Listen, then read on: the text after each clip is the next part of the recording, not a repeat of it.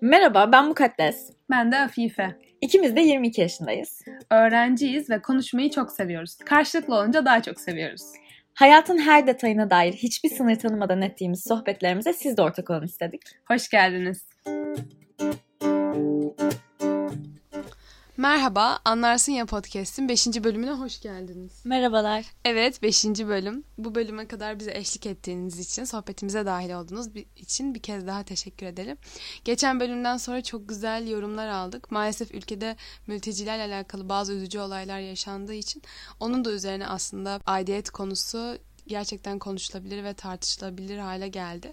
O da bizim için çok mutluluk vericiydi yani e, mültecilik üzerinden konuşmak da gerçekten keyifli oldu sizlerle ve de böyle yurt dışında yaşayan arkadaşlarımızdan veyahut da işte aidiyeti tamamen içinde farklı bir şekilde değerlendiren e, arkadaşlarımızdan aldığımız yorumlar bizi çok çok mutlu etti. O yüzden dinledikten sonra yorumlarınızı, sizdeki yansımalarını her zaman bekliyoruz. Ee, bu bölümde biraz farklı bir şeyler denemek istedik. Birazcık yani konsepti hafif değiştiriyoruz aslında. Anılarımızdan, hatıralarımızdan bahsedelim ve bunun üzerinden de duygularımızı konuşalım istedik. Yani kendiyle alakalı farkındalığı birazcık e, artan insanların aslında üzerine çokça düşündüğü bir şey duygular. İnsan ilişkilerimiz üzerinden, e, çocukluğumuzdan beri o duyguyu nasıl yaşadığımız üzerinden çokça düşünüyoruz bu konuyu. Biz de Mukaddes'te ilk öfke duygusu hakkında e, hatıralarımız üzerinden e, bir şeyler konuşabiliriz diye düşündük. Ve Mukaddes'le aslında e, biraz farklı bakış açılarından yaşadığımız için duyguyu e, birlikte konuşmak da keyifli olur diye düşünüyoruz bakalım. Ee, ilk ben bir şeyler anlatayım. Genel olarak sakin yapıda yani girişken ve konuşkan olmama rağmen çok fazla sinirlenmeyen yani hatta neredeyse hiç sinirlenmeyen daha doğrusu belki de bu öfke duygusunu yaşayamayan bir insanım. Yaşamamayı tercih eden bir insanım. Ve küçüklüğümden küçüklüğümdeki hatıralarıma vesaire baktığımda mesela aslında kendi ailemde çok fazla öfkeli insan var. Mesela dedemi falan düşünüyorum. Köyde onunla geçirdiğimiz vakitlerde hep bir gergindik yani. Hani hem dedemi çok seviyoruz. Aslında geleneksel aile yapısındaki şey hani koruyucu, işte muhafaza eden ve hani böyle otorite dede figürü, baba figürü yani. Ve dolayısıyla da hani sinirli olmak, öfkeli olmak ve her zaman seni senden daha çok düşündüğü için sana kızma hakkına sahip olmayı da içinde barındırıyor aslında o figür. Ağaçlara çıkmayı falan çok sevi- seviyorduk mesela kuzenimle hatırlıyorum ama hani ağaçları çıkma zamanımız dedem işte çarşıya indiğinde köyde hatırlıyorum. Yani dedem çarşıya gitmek için arabaya binerdi. Biz doğru ağaçlara, ağaçların üstündeyiz. Dedem gelene kadar inmiyoruz ve hep bir tedirginiz. Yani dedem geldi mi işte ağacın üstünden araba geliyor mu diye bakıyoruz falan. Ve e, bir kez e, dedem gelecek yani dedem gelmiş o sırada hatırlıyoruz. Biz incir ağacının üstündeyiz. Hani dedem eve girsin de biz incir ağacından inelim falan diye böyle bekliyoruz yani. Bizi sakın görmesin görürse çok kızar falan modundayız. Ve sonra ben incir ağacından düştüm. Ve o sırada dedem ağacın önünden geçiyordu. Yani unutamıyorum o anı. Gerçekten e, bana tabii ki de çok kızdı. Yani hani ağaçtan düşmüş olmam zaten e, bir yerlerimin acıyor olması ve hani zaten suçluluk hissinin içinde olmak hiç kimsenin umurunda değildi. Hani orada bana kızılması gerekiyordu ve kızıldı. Bu ailemdeki herhangi biri de olabilir. Yani zaten aile içinde ilişkiler çok şeffaf olduğu için kardeşlerimize de annemize de babamıza da bence ya, mutluluk gibi duygularda işte öfke, üzüntü gibi duygularda en top e, seviyelerde yaşanıyor bence. Hani aile içinden verebilecek çok fazla örnek var bence ama hep şunu hatırlıyorum yani hani o sinirli ve öfkeli insanların e, bunu belli bir seviyede tutamayıp hani aşırı bir şekilde yaşadığında özellikle küçükken tabii ki küçük yani çocukluktaki anılarım için söylüyorum. Beni ne kadar huzursuz ettiğini, e, ne kadar çevresine zarar verdiğini bu insanların yani çocuk halimle aslında bunu düşünüyordum yani hani beni çok çok huzursuz eden bir şey bu ve hani o insan belki o öfkesini yaşıyor ve e, rahatlıyor ama sonrasında hani çok büyük bir kalp kırıklığı bırakıyor. Benim içimde belki tamir edilemez hasarlara sebep oluyor. O yüzden hani eğer ben böyle olmazsam yani şu an sanki böyle şey gibi oldu. Terapi seansındayım ve kendimi çözümlüyorum gibi oldu ama hani şimdiden baktığımda en azından öyle düşünüyorum. Hani eğer ben böyle olmazsam insanlar en azından bu duygu üzerinden istismar etmezsem ve e, kalplerini kırmazsam herhalde sakin biri olursam hani kimseye zarar vermem. Kimse benim yüzümden sıkıntıya düşmez. Ve hani rahat olursam hayatta hiçbir şey aslında o kadar da dert etmezsem daha relax olursam bütün sorunlar çözülebilir gibi bir kafaya girdiğimi düşünüyorum ki gerçekten çok öyle bir insanım bu arada. ve e, sonra büyü, afife büyür ve fark eder ki aşırı sakinliği de insanları sinirlendiriyor. ve hayalleri yıkılır. Afe'nin formülü iş. Fail olmuş Afe'nin formülü. E şimdi sinir, Afe'nin hayatında sinirli figürler var. Ben yaşayan bir sinirdim çocukken. yani kendi kendime. E, hayatımda çok öfkeli insanlar vardı. Genel anlamda büyüklerin öfkesinin boşaltıldığı bir figürdüm. Yani insanlar öfkelenirdi çevremdeki insanlar. Başka şeyler öfkelenirlerdi. Sonra o öfke bana boşaltılırdı ve ben o öfkeyi nasıl kontrol edeceğimi bilemezdim. Ben bir şeylere sinirlenir, öfkelenirdim. Onları nasıl ifade edeceğimi bilemezdim. O yüzden hep şunu düşünüyorum. Yani çocukken çoğunlukla bize öfkelenme hakkı verilmez, çok tanınmaz.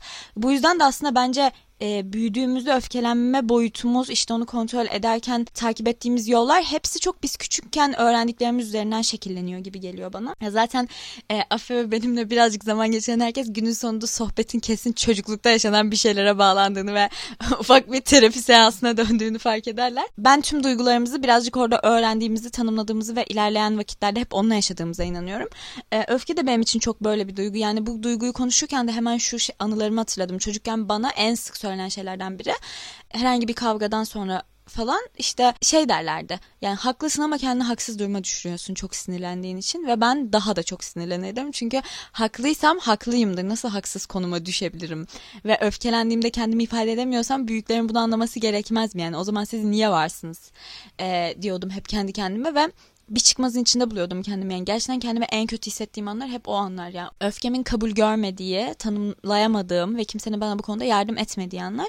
Zaten hayatımda iki terapi deneyimim var. İkisinde de yani birinde 5. sınıfa falan giden küçük bir çocukken birinde çok daha yetişkinken ikisinde de terapiye tam olarak ne için gittiğimi bilmeyerek gidiyorum. Sonra konuşmaya başlıyoruz ve işte hani terapi seansı başlarken ilk, ilk seansta yani niye geldin peki niye geldiğini düşünüyorsun diye sorduğunda terapist ben bir süre düşünüyorum ve çünkü çok öfkeleniyorum diyorum. Hep beni pat, benim patladığım nokta odur yani. Bir şekilde çok öfkelenirim. Yani hala da bazen çok ufak hiç beklemediğim şeylere içimde çok öfkelenip onu bastırmaya çalışırım yani. Ama e, tabii yani geçmişe oranla çok daha fazla ne olduğunun farkındayım onu kontrol edebilmenin farkındayım ama çocukken bence bunlar çok daha zor şeyler bunun farkına varmak. E, çocukluğumda da öfke deyince aklıma çok fazla anı geliyor. Yani e, çoğunlukla başkalarının öfkelerini benim üzerime boşalttığı ve benim onun içine sıkışmış hissettiğim anılar var. Çünkü küçükken öfke yaşama gibi bir hakkım olduğunu bilmiyordum yani. Bu bana ne öğretilmişti ne de yaşadığım zaman bu hakkıma saygı duyuluyordu. O yüzden de öfkelendiğim zamanlarda her zaman çok daha fazla yaralandığım, işte daha fazla yok sayıldığım, daha fazla muhtemelen böyle daha hakaretvari davranılan bana anlar oluyor. O yüzden çocukluğumda e, hep şunu fark ediyorum. Yani asıl yaşanan bir olayda ben öfkemi çok belli etmezdim. E, sonrasında bambaşka bir yerde çok daha farklı bir olayda o öfke bir şekilde patlardı. Çünkü ifade edilememiş bir duygu var sonuçta ve daha çok küçüğüm onu nasıl kontrol edeceğime dair bir fikrim yok. E, böyle hemen aklıma gelen şey anısı oluyor. Normalde yani doğduğum doğup büyüdüğüm evde iki aile birlikte yaşıyorduk. Ve e, ben benimle birlikte benden 10 ay büyük ikiz e, çocuklar vardı evde. Ve o ikiz çocuklar da 20 e, yıl boyunca beklenmiş tüp bebek çocuklar. Yani gerçekten çok beklenen o yüzden ne istiyorlarsa yapılan böyle bayağı talepleri çok karşılanan çocuklar ve tabii ki de çok evin göz bebeği onlar yani. E, ve insanlar eve gelirken sürekli onlara hediyeler alıyorlar. işte büyük hediyeler de alıyorlar. Yani şeyleri falan hatırlıyorum böyle arayıp piyano istediklerini ve eve orkla gelindiğini falan. E, işte eve salıncak alınır, terasa takılır iki tane ama evde üç çocuk yaşıyoruz falan. Ve hep o, o zamanlarla ilgili bana şey anlatır yani hiç kıskanmıyordun, hiç sesin çıkmıyordu, hiçbir zaman bir şey söylemiyordun. Ve ben de öfkelendiğimi hatırlamıyorum çoğunda ama bir, bir keresinde çok öfkelendiğimi hatırlıyorum. Zaten çok e, uzaktan izlediğim bir anı ve anının çok içine de giremiyorum bu anının yani. İki tane bisiklet alınıyor ve kırmızı iki küçük bisiklet, üç tekerlekli. Bayağı küçüğüz muhtemelen 4 yaşında falanım. Ve e, bisiklet sürüyorlar. Ben de kaldırımda oturuyorum ve onları izliyorum ve hani artık birinin canı sıkılsa da bisikletini bana verse diye bekliyorum. Ve sonra sinirleniyorum. Neden iki tane alındı bu bisiklette? Yani üçüncü bir tane daha olsaydı o zaman hani ben de sürebilirdim ve o kadar da zor bir şey değildi. Neden her seferinde yok sayılıyorum diye çok öfkeleniyorum. E, tabii bu öfkeyi orada ifade etme hakkımın falan olduğunun farkında değildim dediğim gibi ve hiçbir şey yapmadım. Bekledim orada sadece yani ama e, mesela hala o yüzden şu an bisikletimin olması benim için çok çok değerli bir şeydir. Çünkü e, onun orada var olduğunu, bana ait olduğunu, istediğim zaman sürebileceğimi bilmek 22 yaşındayken bile güven verici olabiliyor. O yüzden benim öfke deyince aklıma direkt böyle bana dışarıdan e, yok sayıldığım ve öfkelendiğim ama onu ifade edemediğim anlar geliyor aklıma. Afife ile sanırım burada çok uyumlu bir ikili değiliz yani. Çünkü o genel anlamda gerçekten yok saymaya yönelik biri ama ben de öncesinde çok fazla yok sayıldığı için öfkem ya da sağlıklı bulunmadığı için öfkemi daha öfkelendiğimde biraz daha sakince ve açıkça yaşamayı tercih ediyorum. Yani en azından o an sinirli olduğumun biliniyor olmasını, sebeplerinin biliniyor olmasını ve böylece hani o duygum var, o duygumu reddetmiyoruz ve o duygumu kontrol etmenin bir yolunu arıyoruz moduna girebilmeyi tercih ediyorum ama evet Afife gerçekten çok daha sakin kalabiliyor. Belki pasif agresiflikten de bahsetmek birazcık iyi olur. Ee, çünkü e, insanlar her zaman öfkelerini çok şiddetli biçimlerde yaşamayabiliyorlar ki bence zaten Türkiye'de öfkesini dışarıdan Türkiye'de deyip her şeyde e, bir sosyolog olarak Türkiye'yi laf atmam arkadaşlar yanlış anlaşılmasın lütfen. Türkiye'yi bildiğim için Türkiye üzerinden örnek veriyorum diyormuşum. E, yani genel olarak bizim aşina olduğumuz aile yapılarında zaten e, öfke bazı cinsiyet rolleriyle de çok alakalı olarak e, mesela erkekler tarafından ve daha güçlü karakterler tarafından çok rahat bir şekilde yaşanıp e, çevresine verdiği zararlar umursamadan insanların hayat hayatına devam etmesi şeklinde şekillenirken bazı insanların da aslında hiç öfkelenmeye hakkı yok ya da belki sinirlen, sinirlenme hakkı ona verilmediği için o öfke duygusunu pasif agresif bir şekilde yaşıyor. Ama e, bir çocuk olarak ben mesela bu anlamda da çok fazla e, istismar edildiğimi hatırlıyorum. Yani mesela bir ebeveynin seninle küsmesi herhangi neden hatalı olduğunu ve yanlış olduğunu çocuk olarak anlamlandıramadığım bir olaydan ötürü bana çok yalnız hissettirdiğini de anlıyorum. Yani ortada bir öfke, bir hatadan dolayı cezalandırma ki bence cezayla da zaten çok iç içe bir duygu e, durumu var ve yalnız bırakılıyorsun ki yani mesela benim üzerinden değerlendirecek olursak da konuşmayı çok seven, insan ilişkisini çok seven ve yalnız kalmaktan ve yalnız başında bir şeyler yapmaktan çok da hoşlanmayan bir çocuktum e, yalnız bırakılmak, zaten sosyal çevren çok sınırlı ve bir gündeki vaktinin çoğunu ailenle geçiriyorsun ve onlarla da iletişimden mahrum edilmek e, beni çok çok aslında öfkelendirdiğini ve hep hatırlıyorum yani hani böyle içimden geçiriyordum. Ben çocuğum olursa işte ona hiç küsmeyeceğim falan filan onunla hep konuşacağım falan diye düşündüğümü hatırlıyorum. Yani o yalnız hissettirilme duygusu da aslında e, belki bence bu pedagojik bir şey olarak da bir tavır olarak da uygulanıyordu ebeveynler tar- ebeveynlerim tarafından. Tam da bilmiyorum hani belki de agresif olmayı, bağırmayı, çağırmayı böyle bir pasif agresifliğe, e, pasif agresifliği bağırmayı, çağırmaya e, tercih ediyor olabiliyor e, ediyor olabilirlerdi.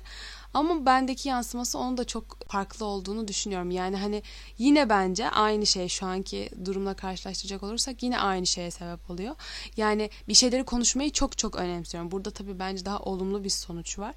Yani en basit bir sorun bile olsa konuşmayı çok önemserim. Arkadaşlık ilişkilerimde de, ebeveynlerimle olan ilişkilerimde de, iş hayatında da yine. Yani eleştiriye çok açık biriyimdir zaten ve kendi bir e, kendi hatalarım üzerine konuşmayı da çok severim aslında. Çünkü çözülebilecek bir şeyi konuşmadığımız için ertelenmesi ve aslında bu sefer e, problemin yarattığı, bizde yarattığı duyguların her geçen gün daha da büyümesi aslında çok daha çözülemez bir hale getiriyor sonrasında çünkü o problemi. Ve çocukken tabii ki bunu bu şekilde düşünmediğimiz için, bu şekilde anlamlandıramadığımız için çok daha büyük hasarlara ve tamir edilemez şeylere dönüşebiliyor. Şimdi benim direkt aklıma burada e, şu soru işareti geliyor. Yani öfkelenmek doğal süreçte olan bir şey. Yani insanlar öfkelenebilirler, sinirlenebilirler. Tabii bunun bence boyutları ve sınırları sağlıklı kalmalı özellikle de ebeveynler söz konusu olduğunda. Ama bunu yani iki şekilde ifade etmek de aslında bir güvensizlik ortamı yaratıyor. Yani bir çocuğun anne babasıyla küs olması birkaç gün boyunca ve işte herhangi bir şeyi aktaramayacağının farkında olması da çok yaralayıcı. E, diğer yandan bu pasif agresif olmayan bir tavırla olsa da işte çok şiddetli bir e, tepki aldığında da işte artık yine dönüp oraya anlatmak konusunda çekinceli davranması Yani ay aklıma çok kötü bir yanım geldi ya. Ya ben e, öfkenin küçüklükte özellikle yani bizim kendimizi savunmaya dair bir mekanizmamızın olmadığı, birilerine bağlı olduğumuz ve dönüp dolaşıp yine o insanlarla yaşamak zorunda olduğumuz ve bir tavır koyamadığımız anlarda öfkenin ifade ediliş biçiminin çoğu zaman bizi çok yaraladığına inanıyorum. Yani ben şeyi hatırlıyorum çünkü zaten e, öfke kontrolünde problem yaşayan bir çocuktum. Bence suçlusu asla ben değildim ama e, ve bu çok konuşulurdu. Yani bunun üstüne herkes yani aile, böyle tüm işte çekirdek aile değil sadece yani tüm geniş ailemizde herkes benim çok sinirli olduğuma bunu kontrol edemediğime dair bir şeyler konuşurlardı ben küçükken. Ve tabii ki bunun en büyük muhatabı da annemle babam oluyordu yani benim sinirimin en büyük muhatabı çoğunlukla annem. Bir kere anneme çok kötü davrandığımı hatırlıyorum. Bir sebeple çok sinirliydim. Çok kötü davranmıştım anneme. Babam yoktu. Ee, ve ismini vermek istemediğimiz bir aile bireyim. Benim anneme çok sinirli olmam ve böyle davranmamı öfkelenip bana vurmuştu. Ve e, o kadar sert vurmuştu ki böyle ben anneme bağırıyordum işte yani sesimi yükseltiyordum. Sonra bana vurmuştu ve benim burnumdan kan fışkırmıştı. Ve böyle o anki düştüğüm boşluğu hatırlıyorum şu an. Yani şu an ne yaşandı burada? Ben yani o kim bana vuruyor tam olarak? Ben annemin hiçbir şey söylememesi işte orada başka insanlar var yanımızda başka akrabalarım var kimse bir şey söylemiyor. Biri beni tut götür lavaboya götürüyor böyle işte kanı temizliyor falan. Ve ben sadece boşluğu izliyorum.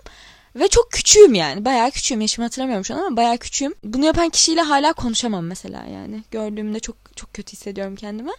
Ama şunu düşünüyorum mesela ben orada öfkeliydim evet.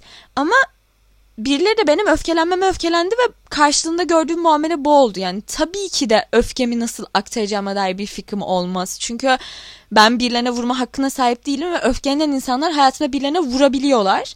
Ve bu insanlar annem babam olmak zorunda değil sadece yani. Başka insanlar olduklarında dahi vurabiliyorlar ve bunun yani öfke duygusunun bence bir çocuğa yapabileceği en büyük şey e, en sık içinde bulunduğu ortamları çok güvensiz hale getirmek. Yani senin elinden güvenebileceğin, dayanabileceğin, bir şeyleri anlatabileceğin tüm her şeyi elinden alıp götürüyor ve bunun toparlanması zor bir şey olduğuna inanıyorum. Yani senin söylediğin defa bana hemen onu hatırlatıyor. Yani ikisi de çok farklı yöntemler ama ikisine de günün sonunda biz bir şeyleri paylaşmak için güvenebileceğimiz birilerini bulmakta zorlanıyoruz ve sanırım yani e, Nihan Kaya'nın şeyde deyişi geldi aklıma yani o içimizdeki parçayı alıp dışarıya çıkartıyorlar ve artık onların elinde oluyor diyor ya yani gerçekten de o içimizdeki bir parçayı alıp çıkartıyorlar sanırım. O yüzden sanırım çocukluk cehennemdire doğru geldik yine. Ya, hem ona yani zaten her konuşmanın sonu oraya geliyor ama bir de yani gerçekten yine o yetişkin ve çocuk ikilemi yani hani onun öfkelenmeye,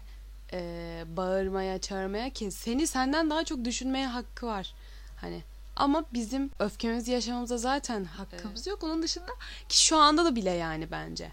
Bizden büyük, e, yaşça büyük ailemizden biri olabilir, akrabalarımızdan biri olabilir. Yani saygı duymamız gereken konumda e, toplumun en azından bu şekilde adamları saygı duymamız gereken konumda olan birileri öfkelenmeye gayet hak bulabiliyor kendisinde. Üstü bunu istediği şekilde değiştirmeye hak bulabiliyor ama biz hep o sakin kalan taraf olmamız olmalıyız ve öfkelendiğimizde aslında üstüne üstlük bir de bizim özür dilememiz, e, yaşadığımız o duygudan ötürü belki suçluluk duymamız gerekebiliyor. Yani ben artık mesela şeyi istiyorum iş hayatındaki profesyonelliği akraba tabii ki çok zor. Ama hani akrabalık ilişkilerinde de keşke diyorum yani. Hani iş hayatındaki profesyonellikten kastım da o hani o şehir hayatının herkese her duyguyu her yerde yaşama lüksünü vermemiz yani hani bir kasiyer sinirlenip bir anda bağırmaya başlayamaz yani mesela gibi. Veyahut da işte ben bir müşteriyle iletişim kurarken hani e, belli kelimeleri kullanmak zorundayım. Veyahut da işte e, öfkelenemem çok yoğun duygular yaşayamam. Ve kendime hep hakim olmak zorundayım. Yani kendime her zaman bir adım dışarıdan bakmak zorundayım. E, ama tabii ki aile işin içine girdiğinde zaten bu dengeler tamamen değişiyor. Akrabalık ilişkileri için içine girdiğinde. Ve o hakkın verilmemesi çocuğa. Aslında çocukta açtığı yaralar gerçekten hani ikimiz zor bir e, anla yani zor oldu bizim için. Hani böyle size şey mi geliyor çok merak ediyorum. hani böyle aa içi ne kadar rahat anlatıyorlar. Mesela arkadaşlarımla falan konuşuyorum. Böyle çok daha hatıralarını veya da gündelik hayatta yaşadığı şeyleri çok daha sınırlı bir çevreyle paylaşmayı tercih eden arkadaşlarım var. Özellikle onların yorumlarını mesela merak ediyorum podcast ile alakalı. Çünkü biz mukaddesle başta bunları da konuştuk yani hani ne kadarını anlatacağız, bir sınırımız var mı falan diye. Ve artık hem dedik birazcık yolda karar veririz buna hem de o konuda da birbirimizden eminiz yani. Hani sınırlarımız birbirine çok benziyor sınırlarımızın olmayışı belki benziyor diyebiliriz. Yani anlattıkça zaten şifa bulduğumuzu en başta açıkladık ve bu bu backgroundla yola çıktığımız için e, içimiz çok rahat ama kolay değil konuşmak ki e, mukaddesle veya da bir arkadaş ortamında konuşmak kolay değilken podcast'te konuşmak hiç hiç kolay değil. Aynen ama e, hafiflediğinizi hissediyorsunuz bence. Ben şu an mesela hissediyorum. E, o zaman kapatırken e, küçük mukaddese birkaç ufak mesaj. Zor oldu ama büyüdün yani e, ve artık o kadar da öfkelenmiyorsun. Bazen çok bekletildiğinde öfkeleniyorsun hala. Bunun, bunun sebebini tam çözemedik. ama e, bu öfkeni biraz daha o kadar da yansıtmıyorsun dışarıya. En azından işte e, çok fazla sinirlenmek, bağırmak gibi şeyler hayatından çıktı. Bunlar güzel. Ama küçükken de senin suçun değil de bunu biliyorum sanırım şu an şu an bunu atlatabilmemin sebebi de bu. Senin suçun değil de yanımda olsan sarılırdım sana. Öfkelenmeye hakkın vardı bence ve öfkelenecek çok fazla şey yaşadın. Birçok insan yaşıyor çocukken. Birçok insan ifade etmek için alan bulamıyor. O alanı ellerine kazıya kazıya kendine oluşturduğun ve sonrasında sağlıklı öfkelenmenin de bir yolunu bulduğun için tebrik ediyorum. Bir kere ilkokulda öğretmenin şey demişti. bir çocuk için çok sinirlendiği için çocuk kendisini ifade etmesin etmek konusunda çok başarısız olduğunu, o yüzden haklı olma ihtimalinin olmadığını söylemişti. Haklı olmanın böyle bir şey olmadığının o yaşta da farkındaydın. Şimdi de farkındasın. İfade edemediklerimizden tabii ki de sorumluyuz ama çocukken yapamadığın birçok şeyden aslında sorumlu olan kişi sen değildin ve acısını yaşayan kişi sendin. O yüzden e, çocukluk gerçekten kötü bir yer ve orayı sevmiyorum.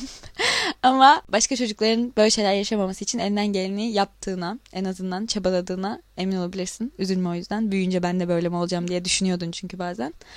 Ee, yaşadıklarımızın aynılarını yaşatmıyoruz her zaman. Bir şeyleri değiştirebilmenin elimizde olduğunu farkındayız en azından. Zor, konuşması zor şeyler ama Aynı zamanda bunları konuşabilecek kadar da açtın. Tebrikler.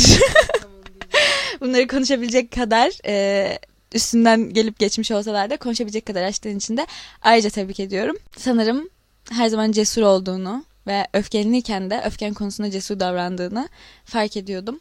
Ee, zordu ama bittiler. O yüzden geçmiş olsun. Umarım bir daha hiç yaşamazsın. Hiçbir çocuk yaşamaz. Ben Afife'ye herhalde şunları söylerdim öncelikle şunu bilmelisin. E, küçükken olduğun kadar yalnız değilsin. Büyümek her şeye rağmen çok güzel bir şey. Zaten büyümeyi çok istiyordum ve çok olmasa da evet biraz büyüdüm ve çevrende artık çok fazla insan var. Konuşabileceğin çok fazla insan var. Kolay kolay yalnız kalmıyorsun. Yalnız kaldığında da keyifli vakit geçirmeyi ve mutlu olabilmeyi tadabiliyorsun. Ve artık birçok şeyin farkındasın ve o farkında olduğun şeyler seni aslında afife yaptı. Küçükken de böyle çok seviyordun Afife gibi hissetmeyi, işte isminin başkalarından daha böyle farklı ve ilginç olmasını, kendine has işte hobilerinin, uğraşlarının olmasını ve şu anda çok daha yani o hissettiğin duyguların çok daha kat ve kat fazlasını e, keyifli bir şekilde yaşıyorsun. Hala çok sakinsin. Ama en azından bu sakinliğin çok daha sağlıklı bir yerden yaşıyorsun bence. Ve artık o kadar insanların seni üzmesine izin vermiyorsun. Üzüldüğünde üzüntünü yaşıyorsun ve bunu da insanlara hissettiriyorsun ve insanlarla kavga edebiliyorsun artık. Annenle, babanla, kardeşinle, akrabalarınla belki. Değer verdiğin insanla kavga etmenin kötü bir şey olmadığını anladın. Aslında her tartışma o insanla olan kıymetli ilişkini daha da kıymetli hale getiriyor. Daha da değerli hale getiriyor ve tartışmak kötü bir şey değil. İnsanların birbiriyle sorunlar hakkında konuşması kötü bir şey değil. Ve bence yani ben en azından şu anki Afife olarak birilerini kırmadığıma, incitmediğime her günün sonunda bunun üzerine düşündüğümde tekrar ve tekrar emin oluyorum ve kafamı kurcalayanlar aa işte bu insan acaba kırılmış mıdır? Bu insanı üzmüşüm üzmüş müyümdür diye düşündüğümde onu tamir etmek için çok hızlı bir şekilde aksiyon alıyorsun ve bu güvenle yaşamak çok güzel bir şey. Yani hem kendi e, keyfini, konforunu, huzurunu muhafaza etmek hem de çevrendekilerden sevdiğin insanlardan bu konuda emin olmak çok güzel bir şey. Çünkü küçükken de istemezdin yani birini kırarak, birini üzerek gece yatağa giriyor olmayı. Şimdi de bunu yapmıyor olmak, bunu yapmayan bir yetişkin olarak hayatına devam ediyor olmak çok güzel bir his. Tebrikler Efe Mukaddes. Bu bölümü de ölmeden atlattınız. Ee, o zaman sanırım bizim ilk çocukluk yüzleşmemiz tamamlandı. Arkadaşlar eğer bu konsepti beğendiyseniz biz sizin için tekrardan acılarla yüzleşmeyi Daha büyükleri de var. Ee, eğer yani bizim için biraz konuşurken gelişen bir konsept haline geldi. Ee, sanırım çocukluğumuza dönmek bizim için biraz zor ama aynı zamanda keyifli bir şey. O yüzden belki farklı duygularla ilgili de bunu yapmayı isteyebiliriz. Siz de ister misiniz merak ediyoruz. Yine e, podcast'i dinledikten sonra bize bunu da söylerseniz çok seviniriz. İyi ki dinlediniz, iyi ki eşlik ettiniz. teşekkür ediyoruz. Anlarsın yanın bir sonraki bölümünde görüşmek üzere. Hoşçakalın, kendinize iyi bakın.